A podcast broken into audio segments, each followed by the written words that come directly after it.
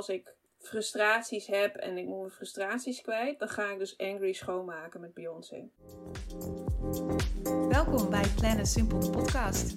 Ik ben Renske en deze podcast gaat over productiviteit, gewoontes en alles wat daarbij komt kijken. Saskia, wat is jouw ochtendroutine? Mijn ochtendroutine. Ehm, nou, mijn eh, wake-up light gaat natuurlijk af. Wat ik ontzettend prettig vind, want dan wordt het dus al licht in de kamer en dan hoor ik vogeltjes om me heen. Ik stap vrij snel uit bed, douchen, nou ja, vrij standaard. En dan maak ik een fruithapje. Dus heel veel fruit met wat yoghurt en havermout en dat soort spul. En dan ga ik met de hond wandelen. En dan kom ik terug en dan ben ik dus lekker buiten geweest en ik heb ontbeten. En dan kijk ik op mijn planner wat ik moet doen die dag. Als ik geen vergaderingen heb en dan ga ik gewoon aan de slag. Mooi. Ja. Ben je een, eh, een snoezer? Ja, ik snoes wel twee keer. En je zei dat je een planner hebt waar je dus even op kijkt? Ja, ik heb een weekplanner. En dat eh, werkt voor mij heel goed, want dan weet ik, hoef ik niet even naar mijn agenda te kijken om te weten wanneer mijn vergaderingen zijn. En ik zet daar mijn grootste prio's in, dus dan weet ik ook welke grote taken dat ik moet doen voor die week. En dan word ik niet direct afgeleid door de mail. Ik word soms wel verleid door de mail om dat te doen, maar als het een beetje rustig is, dan hoop ik gewoon direct met een grote taak te beginnen en dan de mail later pas te openen. Mooi. Nou, dan heb je eigenlijk al natuurlijk iets verteld over jouw productiviteitsgewoontes om dat wat hoger te krijgen. Zijn er nog meer dingen die je doet om je productiviteit wat op te krikken? Ja, nou, de belangrijkste is denk ik natuurlijk uh, dat wij accountability partners zijn en dat we wekelijks aan het kijken zijn hoe we onze productiviteit kunnen verhogen. Mm -hmm. uh, en kunnen doen wat we graag willen doen. Dus ik denk dat dat wel een hele grote is. Ik probeer ook veel nieuwe dingen wel uit. En zo heb ik nu een heel fijn systeem in OneNote en een heel fijn systeem in To-Do. Wat eerst To-Do-ist was, maar nu weer To-Do. En ik vind het heel fijn werken met een koptelefoon op. Hmm. Dus op kantoor, maar ook thuis. Als ik weet van oké, okay, nu moet het focus, dan is het die noise cancelling koptelefoon op. Focusmuziek aan. En dan, dat gaat eigenlijk altijd goed. Wat is uh, voor jou fijne focusmuziek? Ja, ik typ altijd gewoon focus in op Spotify. En dan soms dan kan ik op house focus heel goed gaan. En soms dan moet ik lofi beats hebben. Maar lofi beats, dat heb ik nu te veel geluisterd, dus dan word ik daar weer ziek van. Dus dan moet ik weer even terug naar house focus of zo. Dus het moet ook een beetje onverwachte muziek zijn. Niet dat je weet, oh, dan komt die Nee, want ik heb, kan soms ook wel heel goed gaan op natuurgeluiden. Maar als ik dat te lang doe, dan, dan word ik te veel te veel zen. Dus als je in, laag in je energie zit, maar je wilt toch focus, dan moet je house focus, want dan is het wel lekker mm -hmm. een goed deuntje om door te gaan. En als je dus heel hoog in je energie zit en je moet juist iets minder om die focus te krijgen, dan zou ik eerder natuurgeluiden aandoen. Maar als je alleen maar natuurgeluiden doet, als je al laag in je energie zit, dan val je in slaap. Dus dat moet je niet doen. Ik in ieder geval niet. Ik vind het een goede tip. Ja. Heb je ook wel eens een productiviteit iets geprobeerd, maar werkte totaal niet voor jou? Ja, heel veel. Wel. Nou, To-Doist werkte voor mij niet. Want dat uh, is een programma om allemaal verschillende taken op te schrijven. En dan ook daar direct een bepaalde tijdstip aan te koppelen. En dan merkte ik toch van, ik wist wel wat ik die week moest doen. Maar om het per dag allemaal uit te plannen, dat werkt voor mij niet. En elke keer als ik to-do's dan opende, dan zag ik... Oh, dit heb je gisteren niet gedaan en dat heb je gisteren niet gedaan. Dus je, ik had altijd het gevoel dat ik achterliep. Hm. En daarom ging ik het steeds minder gebruiken. En ik zette er van alles in, maar ik had geen, geen overzicht meer met wat moest en wat niet. Dus to-do-is werkte voor mij gewoon niet zo goed. Maar met de weekplanner werkt het wel goed. En met to-do ook, want die schrapt elke dag gewoon je hele dag leeg. En die is dus leeg en dan kan je hem dan per dag toevoegen. En dat werkt heel fijn. Ja. Ja, dat is van Microsoft voor de Ja. luisteraars. Ja. Heel fijn. Klopt. Top. Heb jij ook een gewoonte waarvan je denkt dat anderen die niet zo snel hebben? Ik denk dat weinig mensen een accountability partner hebben. dat denk ik ook. Ja, nou en ik denk dat wij dat ook... Hoe lang doen we dat nu? Twee jaar? Tweeënhalf? Ja, ik denk al best wel. eh, dat is altijd grappig, want dan denk ik meteen pre-corona. En dan denk je, oh, dat is dus al best wel lang geleden. Is dat pre-corona? Dus ik denk stiekem al drie jaar Oh, dan hoor. is het al drie jaar. Volgens mij zijn we in september ooit begonnen. Ja, Wow, ja. Ja, nou, dus Ja. ik denk, eh, ja, wij noemen dat dan Modput. Ik denk Modput eh, al drie jaar. Dat weinig mensen dat doen. ja. en eh, werkt natuurlijk heel goed voor ons. Zeker. Misschien ook leuk om te vertellen dat we inderdaad dan bijvoorbeeld aan elkaar vragen van... ehm, waar is je energie onnodig naartoe gegaan en waar kreeg je energie van? Ook. We hebben een hele vragenlijst. Die hebben we ook geperfectioneerd, moet ik zeggen, over de tijd. Dus er komen nog steeds wel eens vragen bij. Of we halen wat vragen eraf of die passen we aan. Maar dat heeft ook wel eh, nou, een half jaar, een jaar geduurd of zo. Voordat die ook wel perfect was voor ons doen. Van wat wij eruit wilden halen. Mhm. En we hebben natuurlijk ook regelmatig zo'n jaarlijkse review. Dat doen we ook een paar keer in het jaar. Dat we kijken wat, wat willen we nog meer. En halen we ook van wat we hiervoor graag wilden doen. En wat kunnen we nou halen uit al die verschillende vragenlijsten die we wekelijks afnemen. Dus dat vind ik ook wel een hele sterke. Dus nu dan gewoon even de bigger picture bekijken. Ja, we gaan er op zoek naar patronen. Dat is altijd heel interessant. Dus dat is cool. Mooi. Welke ehm, gekke gewoontes heb jij? Vind jij, hè? Zo van, kunnen natuurlijk helemaal niet gekke gewoontes zijn, maar dat jij vindt dat je Nou, gekke gewoontes hebt. Ik heb dus, ik hou ervan om op vrijdag schoon te maken. Dat, ik weet ook niet. En Ja. als ik dus schoonmaak, dan vind ik het heel vaak heel prettig om mijn koptelefoon weer op te doen. En dan zet ik gewoon Beyoncé op. en mijn vriend weet het ook. Dat is gewoon een beetje standaard. En ook als ik frustraties heb en ik moet mijn frustraties kwijt, dan ga ik dus Angry schoonmaken met Beyoncé. Dat is gewoon, ja. Niet altijd Beyoncé, maar ik moet zeggen, vaak werkt het goed. Ja, En als ik naar jou kijk terwijl je angry aan het schoonmaken bent, gaat je spons... maar dat is wel vet chill, want het huis is dus schoon. Ik ben daarna van mijn frustratie af, omdat alles schoon is. Dus het is, ik vind het eigenlijk best wel een hele nuttige manier om van mijn agressie af te... Ja, niet agressie, maar gewoon frustratie af te komen. Ja. Want dan denk ik, ik moet iets doen en ik moet even met mijn hoofd bezig. Maar door schoon te maken ben je ook wel alsnog een beetje... Ja, hoe zeg je? Het is net zoals met wandelen. Dus je hebt een bepaalde fysieke bezigheid. En omdat je daarmee bezig bent, ben je daar wel op gefocust. Maar je hoofd kan alsnog wel lekker doorgaan met de gedachten. Dus die is lekker alles aan het verwerken. Terwijl je dus aan het schoonmaken bent. Of wandelen. Mhm. En dat, ja. Nou, daar word ik gewoon helemaal zen van. En Beyoncé is gewoon cool. Ja, ik vind het wel een win-win. En Beyoncé heeft ook natuurlijk de boze muziek en de blije muziek en de dance muziek. Dus het kan allemaal. Heel cool. Ik zit me te denken dat ik inderdaad wel een angry eh, walker ben af en toe, ja. Dan, eh, dan kan ik zo net zo go- goed tempo hebben als met hardlopen, zo'n beetje. Maar dat terzijde. Eh welke gewoonte ben je ooit met goede moed aan begonnen, maar doe je nu helemaal niks meer mee?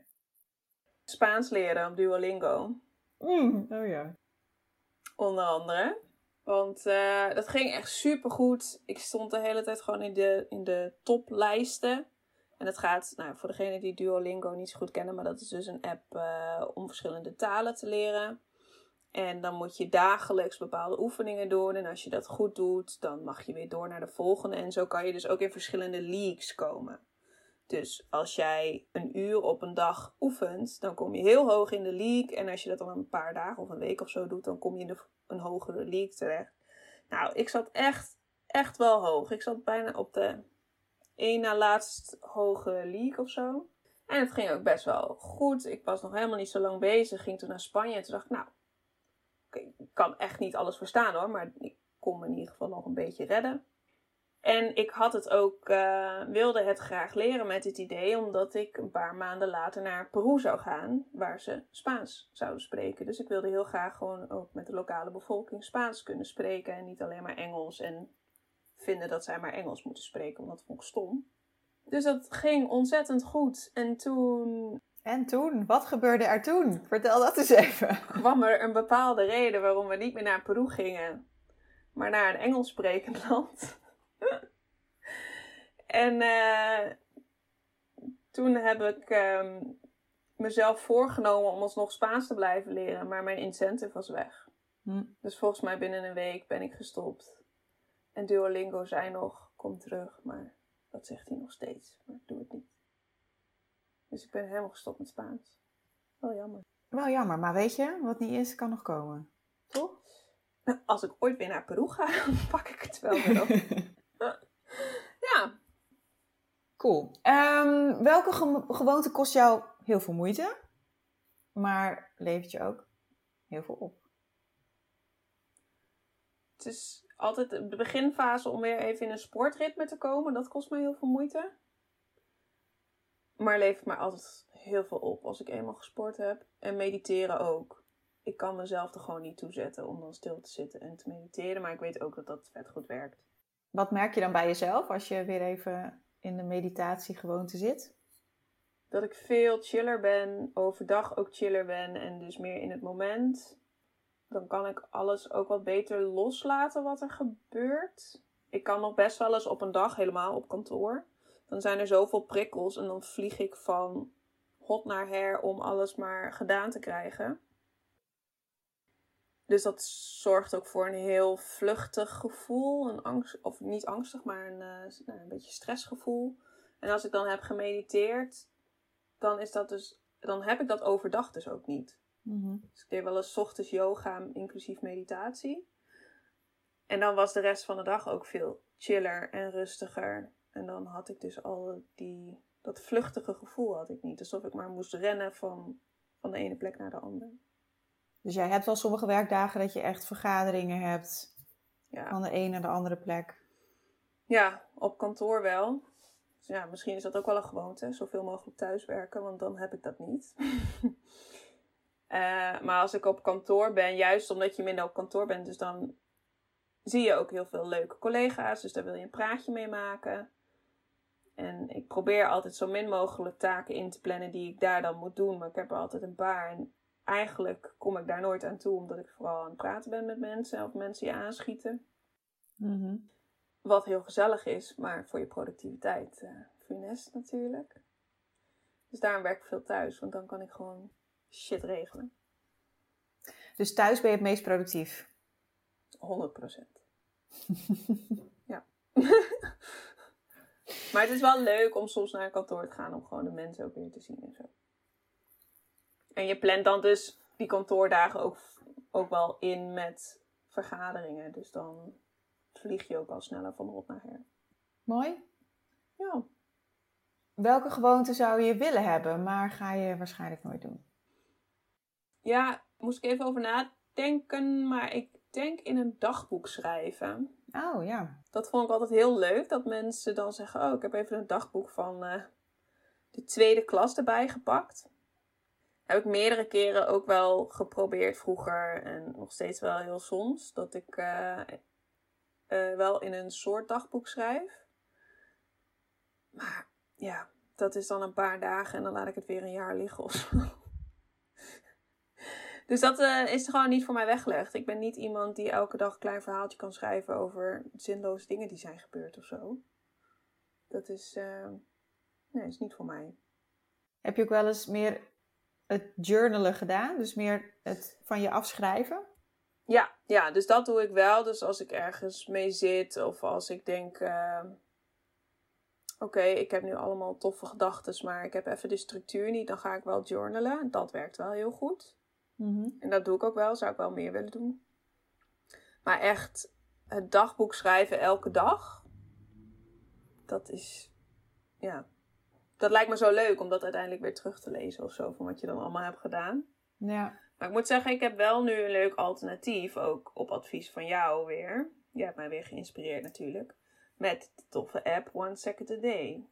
En dat vind ik ook een soort dagboek, want als ik dat dus terugkijk, dat is dus een app waarin je eh, dagelijks een videootje van 1 seconde of anderhalf seconde kunt uploaden. En dan zie je dus aan het einde van het jaar wat je het hele jaar hebt gedaan. En dat vind ik wel super leuk. En dat is ook een soort dagboek, vind ik. ja, en het kost je letterlijk één seconde per dag. Dus eigenlijk lukt dat altijd wel. Ja, en al maak je dus foto's overdag, want ik denk daar ook niet elke dag aan om een video te maken.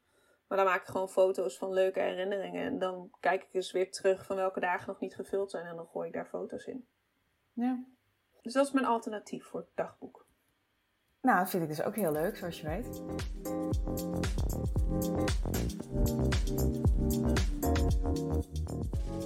Welke gewoonte heb je, omdat het volgens de huidige culturele ongeschreven regels nou eenmaal zo hoort, maar past eigenlijk totaal niet bij je? Ja, daar moest ik even over nadenken. En ik denk dat dat is cadeautjes kopen op verjaardagen. Was ook mijn antwoord. Hoe kan het ook anders? Oh, wat een verrassing weer. Ja, nee, want het is echt niet ik, ik, eh, dat ik het iemand niet gun. Maar volgens mij hebben we allemaal al zoveel spullen. En je moet altijd weer een nieuw iets verzinnen om te geven aan die persoon. Wat natuurlijk wel heel leuk is, maar ik vind het veel leuker als ik in de stad ben. Dat heb ik bijvoorbeeld gisteren gedaan. Toen was ik in de stad en toen dacht ik: hé, hey, dit spel, volgens mij vindt Thomas dat leuk. Ik vind Thomas lief, dus ik koop hem. Geen reden, gewoon omdat ik hem leuk vind. Zo. Dat vind ik eigenlijk veel leuker als cadeau te kopen dan elke verjaardag iets te kopen of zo. En ik vind het ook niet goed voor het milieu. Ja, ik, uh, ik zei volgens mij zo'n beetje exact dit. dus dat je inderdaad. Ik vind het veel leuker om spontaan. Dat, ja, dat je op zich, als je iets leuks ziet voor iemand. En je denkt spontaan, ik wil dat graag aan diegene geven. Dan is het, het is niet zo dat je inderdaad cadeaus geven niet leuk vindt. Alleen Ja. het is een beetje. Het, het voelt zo geforceerd of zo. En als je ook tegen mensen zegt van, je hoeft geen cadeau voor me te kopen, doen mensen toch. Nou, maar dat is het ook. En daarom doe ik nu wel vaker, in ieder geval als ik denk dat mensen dat leuk vinden, een doe-cadeau. Dan heb je in ieder geval wat quality time. En niet weer extra spullen. Maar toch, ja. Maar niet iedereen houdt. En sommige mensen vinden cadeaus gewoon heel leuk. Dus dat is dan prima, en dan doe je dat wel. Ik vind het mooi. Ja, voor eh, de vraag over Ulysses eh, contract, had je er wel eens van gehoord? Nee, geen flauw idee. Het is, het is een oud, eh, volgens mij is het een, een Griekse legende, maar ik weet het niet eens meer precies. Ik ga dit nog opzoeken. Maar dat had ermee te maken dat er eh, zeemeerminnen in de zee waren en die eh, hadden een bepaalde zang. En daar eh, raakte kapitein zo van onder de indruk dat ze dan in de zee sprongen en verdronken. dus zodra je, zodra je die zeemeerminnen hoorde, dan wist je dat je dood zou gaan. Dus wat hij deed is zichzelf vastbinden aan de mast van het schip. Zodat het gewoon onmogelijk was om in de zee te springen. Dit komt toch ook in een Disney-film naar voren? Toch? Ja, doet me ook denken aan de kleine zeemeermin. Maar volgens mij is hij dan geforceerd vastgebonden. Of Peter Pan of zo? Nee. Nou, maar dit komt wel vet vaak terug in piratenfilms. Ja, dus in ieder geval dat je... Ja, dat je er echt... Je weet dat als je niet wordt vastgebonden om iets te doen... Een beetje wat ik laatst had met dat mijn autosleutels en telefoon en al mijn zooi zat nog in de auto en de deuren ging niet open. Dan kan ik dus niet bij mijn telefoon. Dus kan ik er ook niet op zitten. Zo. Dus wat is voor jou iets waarvan je weet, oké, je moet me vastbinden, anders doe ik het. Of ik moet het niet in huis hebben, anders eet ik het. Nou ja, dat is ook sowieso de mobiele telefoon wegleggen tijdens werk. Mhm. En eh, een mobiele telefoon wegleggen bij het naar bed gaan.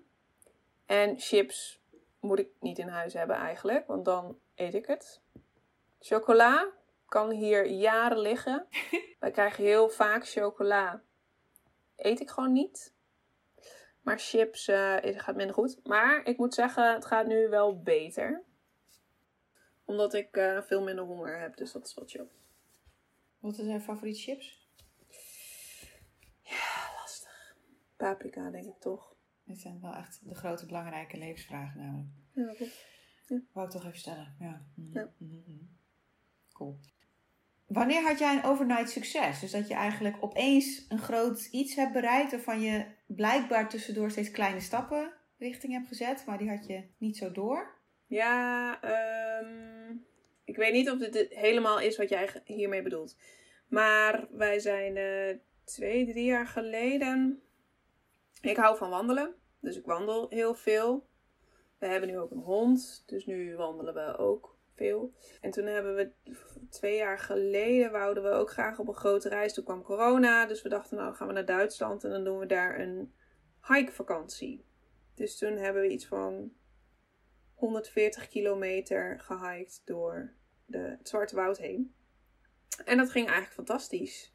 Dus dan merkte je toch wel dat al dat wandelen tussendoor, ook al was Ja. het dan een uurtje op een dag of misschien twee uurtjes, dat dat wel heel erg heeft doorgewerkt. Dat je dus ook een hele volle week vol aan kan hiken en daar weinig last van hebt.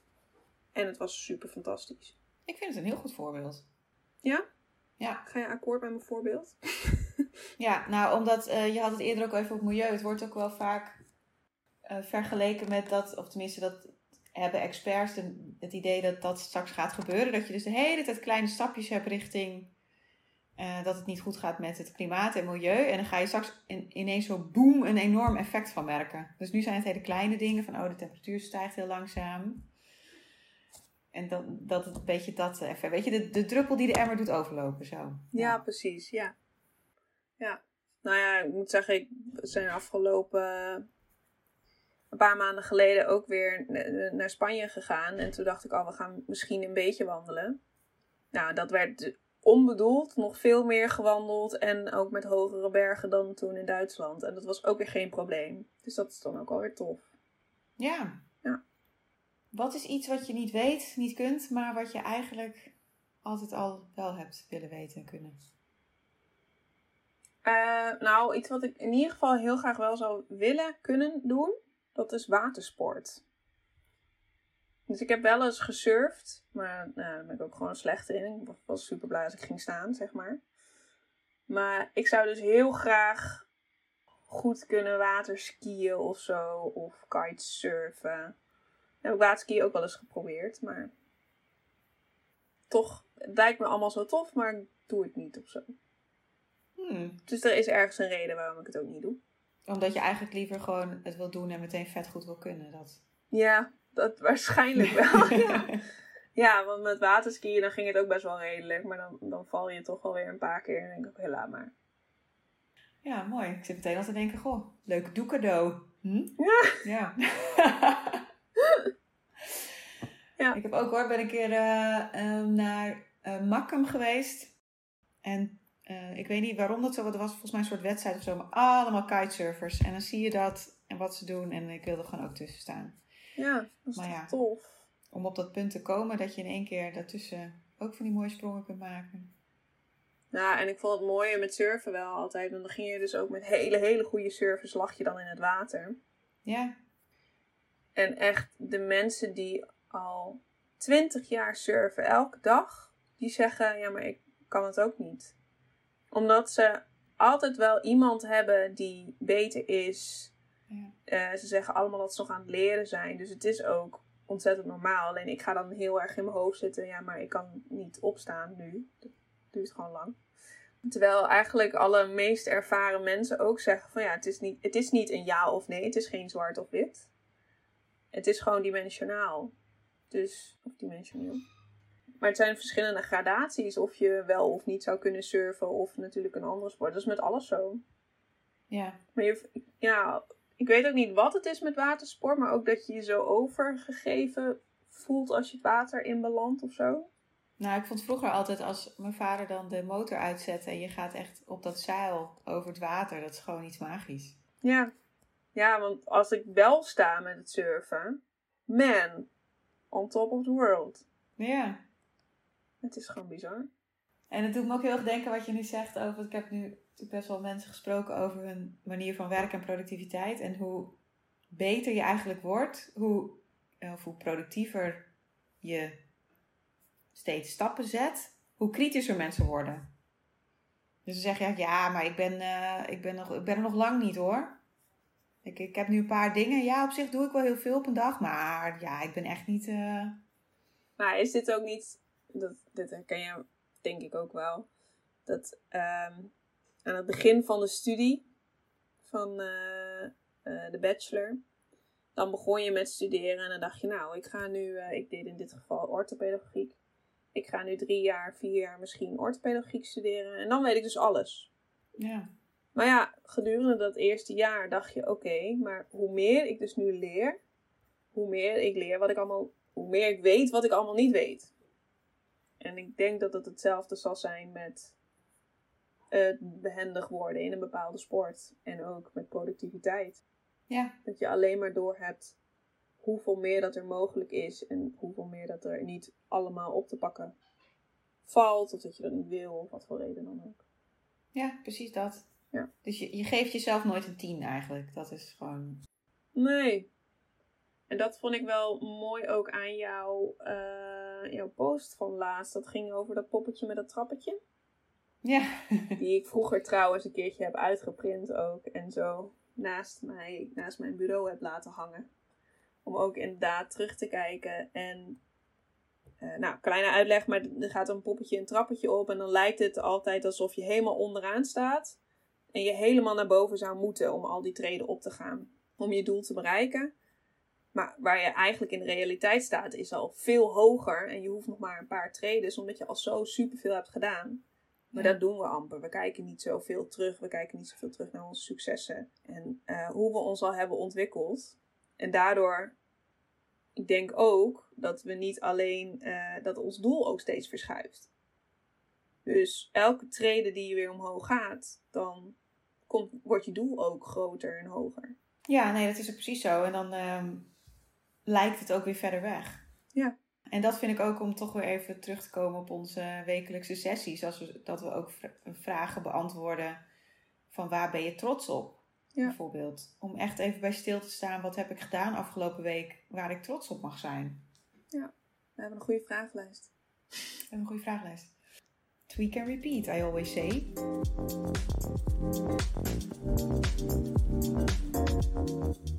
Ehm, nou, we zijn bij het eh, leukste onderdeel. Een heel leuk onderdeel. De lightning round. Dus dat zijn ehm, gesloten vragen, korte vragen, waar we heel benieuwd zijn naar jouw antwoorden. Waarbij de eerste natuurlijk meteen het lastigste is. Eh, productiviteit is. Ik ga wel mijn, het einde van de zin wat langer maken dan het begin van de zin. Is dat eh, allowed? Ja, helemaal. Mooi. Productiviteit is voor mij gedaan krijgen wat je wil en een, er een goed gevoel aan overhouden. Ja, ik vind hem heel mooi. Wat is de laatste serie die je hebt gebingewatcht? Stranger Things. Ehm, je moet vandaag een tatoeage nemen. Welke wordt het? Kun je raden welke ik neem? Volgens mij heb ik het wel eens verteld, dit verhaal. Ik, ik denk iets met een jungle dier. Nee. Oh. Nee. Toen we op reis waren, toen hebben we even overwogen om een tattoo te nemen. En dat zou dan de volgende zijn. Onderop de grote teen, dus aan de onderkant, een smiley. Hm? Want dan lig je dus in het gras. En dan kijken mensen om zich heen. En dan zie je dus opeens een teen en een smiley. Nou, ik zou je vertellen dat een oud collega van mij, die heeft onder haar voet getatoeëerd Walking on Sunshine. En het leuke is dat het dus eh, vervaagt. Het is de enige plek zo'n beetje op het lijf waar je tatoeage langzaamaan vervaagt. Dus het is niet eh, voor eeuwig. Dus ik zou zeggen, doe het. Ja, nou nee. Ik heb toen wel bewust gekozen om het niet te doen. Hmm. En tenen zijn echt zeer gevoelig. Oh ja, ja, nee, dat wordt er niet. En ik vond het een nadeel dat je dan zelf nooit een smiley zou zien. Ja, dan heb je er ook niet zoveel aan eigenlijk. Behalve dat je andere mensen blij maakt. Wat ook leuk is. Ja. Eh, welk boek neem je mee naar een onbewoond eiland waar je de rest van je leven moet doorbrengen? En je mag niet als antwoord geven How to Survive van eh, Remote Island. Daar had ik niet eens over nagedacht. Mooi. Ik, ehm, ik kan niet kiezen tussen twee. Mag ik ook twee meenemen? Nou, zeg ze gewoon allebei maar. Wist ik dan of je, mag- of je moet kiezen. Oké, één is natuurlijk De meeste mensen deugen van Rutger Bregman. Ook omdat dat gaat over de jongens die uiteindelijk Mhm. Ja. van een onbewoond eiland afkomen. Dus dat lijkt me dan wel een positieve noot. Om te blijven herlezen dat er mogelijk iemand komt. Ja, En anders een van de boeken van Frans de Waal. Maakt niet uit welke. Gaat over primaten en de intelligentie en empathie die ze hebben. Dus dat vind ik cool. Want ik gok dus dat dat, zou je over en over again kunnen lezen? Ja, dat denk ik wel. Want ik gok dat op zo'n onbewoond eiland ook wel iets van dieren zijn. Dus dan kan ik uit het boek in ieder geval ook iets halen over bijvoorbeeld intelligentie van dieren. En hoe ik dat misschien kan trainen. Ga ik schildpadden trainen om een raf te maken voor me. of je bent gewoon een schilder, al die schildpadden aan elkaar. Klaar. Precies. Dat. Je hebt een gratis vrije dag en 1000 euro zakgeld. Wat ga je doen? Cursus. Wat voor? Tenminste, ik ging er maar even vanuit dat de dag erna ik geen 1000 euro meer had. Dus dan wil ik een, Mhm. iets wat ik, waar ik langer de tijd wat aan heb. En dat is een cursus. Dus iets om je brein weer een stapje verder te helpen. Ja, want als het goed is, heb ik daar langer wat aan. Cool, cool antwoord. Favoriete app waar je eigenlijk te veel tijd eh, aan besteedt? Board Panda. Wat? Board Panda. Oh, Board Panda. Ken je dat? Nee? Zou Ja, ik het die- moeten kennen? Nee, niet per se. Maar die. Ja, wat heeft die? Dan kun je op een soort artikel klikken. En dan. Of mensen hebben één vaag verhaal en vragen zich. Van, van Reddit is dat dan geplukt. Of eh, allemaal coole foto's die zijn gemaakt. Ja, ze hebben eigenlijk van alles. Als je je verveelt, dan zijn het dus leuke verhalen om te lezen. Maar ik zit er te veel op. Ik snap het wel. Wat is het beste advies dat je ooit hebt gekregen? Better regret what you did do than what you didn't do. Wat is een boek uit jouw Midnight Library? Ik denk, ja, ik heb er twee, maar ik vond de eerste een beetje saai. Dus ik denk de eerste, ik zou eh, een, eigenlijk een andere master doen. Ontwikkelingspsychologie in Groningen. En toen was ik in Azië en toen dacht ik, oh, blijkbaar bestaat er ook een andere master in Maastricht. En die lijkt me eigenlijk veel cooler. Dus toen heb ik me daarvoor ingeschreven in Azië, in een internetcafé. Oké. Eh, dus dat. En ik denk ook de keuze om te reizen of niet te reizen naar Azië. Ik denk wel dat ik daar heel anders uit ben gekomen. Ik ben eh, eh, zeven maanden, acht maanden naar Azië gegaan. Heb daar vrijwilligerswerk gedaan en gewoon rondgereisd. En dat gap year, dat was gewoon wel heel super tof en heel veel geleerd. Ja. Mooi, heel mooi. En wat is jouw belangrijkste life hack? Of wat is voor jou een belangrijke life hack? Nou, ten eerste Eat the Frog. Ook geleerd van, eh, van deze eh, mopput hier. En het tweede is niks moet, alles mag. Dat haalt Ja. de druk er een beetje vanaf. Vind ik ook een hele mooie. En de slotvraag die ik heb gestolen van Elizabeth Gilbert. What are you most excited about in your life right now? De bosbes. Ah, ja. Misschien moet ik Ja. even uitleggen wat de bosbes is. Ja, want het was natuurlijk ook wel een cliffhanger waarom je dus niet naar Peru... eh, Ja, want het is een reden waarom ik niet naar Peru ging. En de reden waarom ik minder honger heb tegenwoordig. En dat komt omdat ik een bosbes in mijn buik heb. Eh, namelijk een baby. Dus ik ben wat zwanger. inmiddels een eh, meloen is. Waar zitten we op? Het is een aubergine vandaag. Oh, Oh nee, trouwens gisteren. Dus ik weet niet wat het nu is. Volgens mij wordt het een eh, papaya of zo. Ja, we hebben het als koosnaampje bosbes. Omdat een bepaalde app dacht dat ik eh, in mijn achtste week al uitgerekend was. Dus dan geven ze aan hoe groot de vrucht is in welke week. Dus ik opende die app toen ik dus net zwanger was. En toen zei hij, oh je hebt een watermeloen in je buik. Toen zei ik, ho ho ho ho. Dit gaat me even te snel.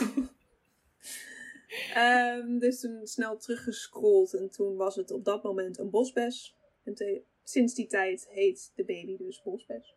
ja, werktitel. Ja, werktitel bosbes. Dus Jee, daar ben ik het meest excited about. Ja. Ja. Heel nieuwsgierig naar deze bosbes. Mhm. Ik ook. Heel erg bedankt. Gedaan. Wat staat voor Motivational Body? Vonden we leuker dan Accountability Partner voor de mensen thuis. Correct. En eh, mochten de luisteraars daar nog vragen over hebben, kunnen ze natuurlijk altijd ons even daarover aanschieten.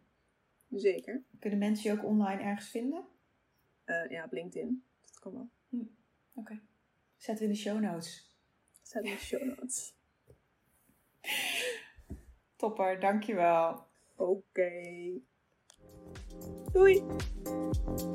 Dankjewel voor het luisteren. Je kunt me vinden op Instagram op @rens_and_simple, op LinkedIn op Renske Zuurveen en op www.planandsimple.nl kun je alles vinden over mijn 30 dagen programma's. Tot de volgende.